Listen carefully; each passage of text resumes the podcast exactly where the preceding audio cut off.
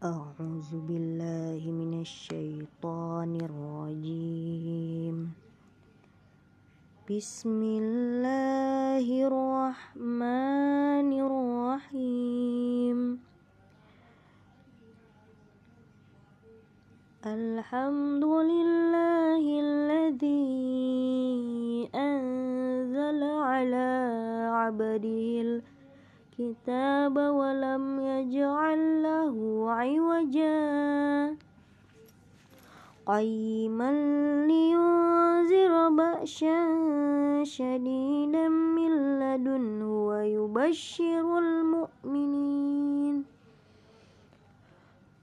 الذين يعملون الصالحات أن لهم أجرا حسنا. ماكثين فيه أبدا. وينذر الذين قالوا اتخذ الله ولدا. ما لهم به من علم ولا لآبائهم كبرت كلمة تخرج من أفواههم إن يقولون إلا كذبا. فلعلك باحح نفسك على آثارهم إن لم يؤمنوا بهذا الحديث أسفا.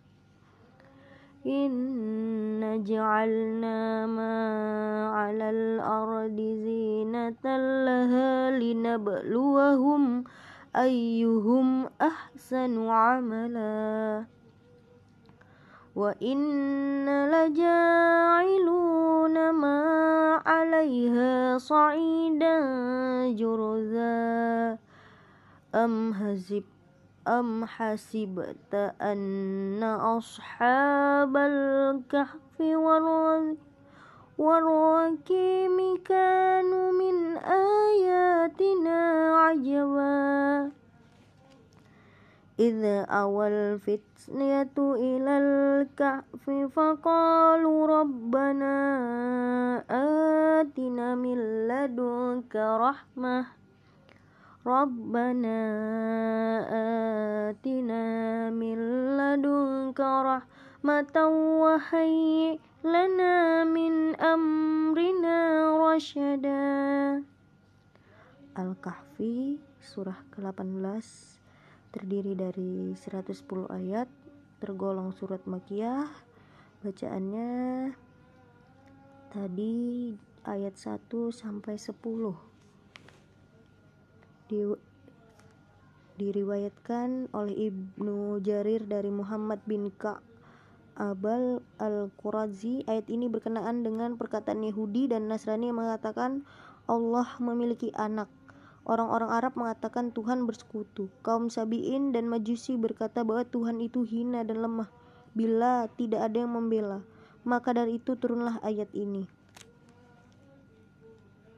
dari Abdullah bin Umar radhiyallahu anhu dia berkata saat bin Ubadah mengalami sakit keras Rasulullah SAW menjenguknya bersama Abdurrahman bin Auf. Saat, bin Abu Waqas dan Abdullah bin Masud ketika beliau tiba beliau mendapatinya dalam keadaan tidak sadarkan diri. Rasulullah SAW bertanya apakah dia telah meninggal dunia? Orang-orang yang hadir di sana menjawab belum ya Rasulullah. Rasulullah Shallallahu Alaihi Wasallam menangis dan ketika para sahabat melihatnya, mereka ikut menangis. Lalu Rasulullah SAW bersabda, Tidakkah kalian mendengar bahwa sesungguhnya Allah tidak menyiksa karena air mata atau karena kesedihan hati. Dia menyiksa atau mengasihi. Sebab ini, beliau menunjukkan ke lidah beliau. Jadi malam ini belajar uh, mendengarkan surat Al-Kahfi ayat 1 sampai 10. Semoga bermanfaat ya.